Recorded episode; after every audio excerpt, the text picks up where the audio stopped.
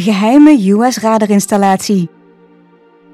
Je staat bovenop een strategische heuvel. Van hieruit kijk je zo'n 50 kilometer ver naar Duitsland. Aan de horizon zie je met mooi weer de uitlopers van de Eifel, het Hoertgenwald. Achter de heuvelrug ligt Aken. De windmolens in de verte geven exact de Duitse grens aan. Voor je ligt een vredig tafereel van groene, glooiende heuvels. Dat was in 1944 en 1945 wel anders. Toen keek je uit op een van de grootste Europese slagvelden. In vier maanden hebben hier meer dan 60.000 Amerikanen en 48.000 Duitsers het leven gelaten. Het was een waar slagveld. Deze plek heeft een cruciale rol gespeeld in de bevrijding van Europa.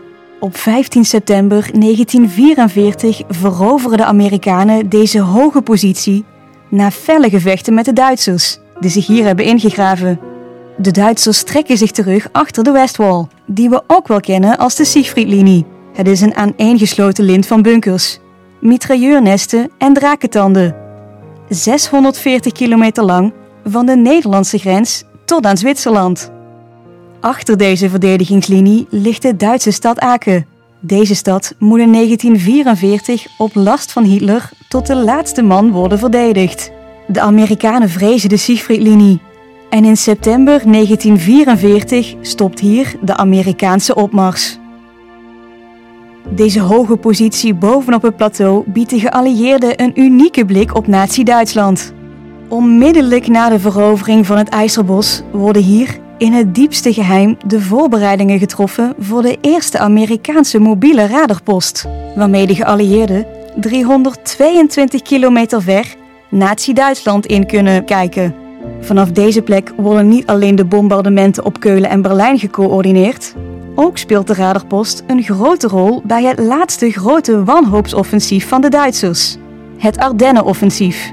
De in Bastogne belegerde Amerikaanse troepen moeten vanuit de lucht worden bevoorraad. Dankzij deze radarpost kunnen vijandelijke Duitse vliegtuigen vroegtijdig worden onderschept.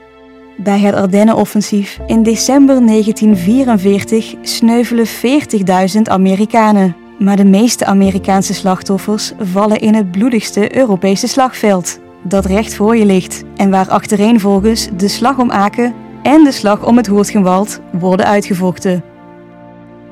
Het hele terrein hierboven aan de IJzerbosweg is van september 1944 tot februari 1945 volledig afgesloten van de buitenwereld en zwaar beveiligd.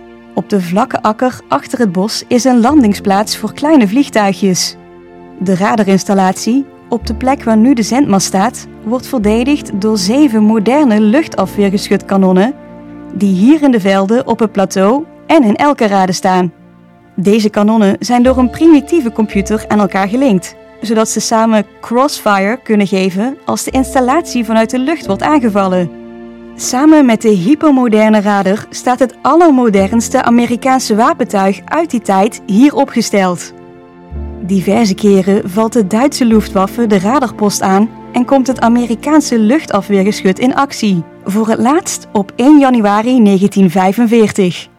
In een laatste wanhoopsdaad gooit de Luftwaffe die dag alles in de strijd om geallieerde vliegtuigen en de radar en ijs uit te schakelen. Deze operatie, Bodemplatte, is een ware zelfmoordmissie. Er stijgen 1100 Luftwaffe-piloten op, waarvan er alleen al op die nieuwjaarsdag 370 sterven. Die dag om 9.45 uur vallen 40 vliegtuigen van Jachtgeschwader 2 en Schlachtgeschwader 4 de radarpost aan.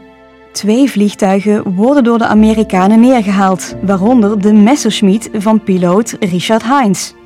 Slechts 21 jaar oud. Zijn vliegtuig stort om 10 uur neer in ijs. Zijn toestel wordt geraakt door kogels, afgevuurd door de Amerikaanse kanonnier Bob Fischer pas 23 jaar jong, wiens ouders voor de oorlog uit Duitsland naar Amerika zijn verhuisd.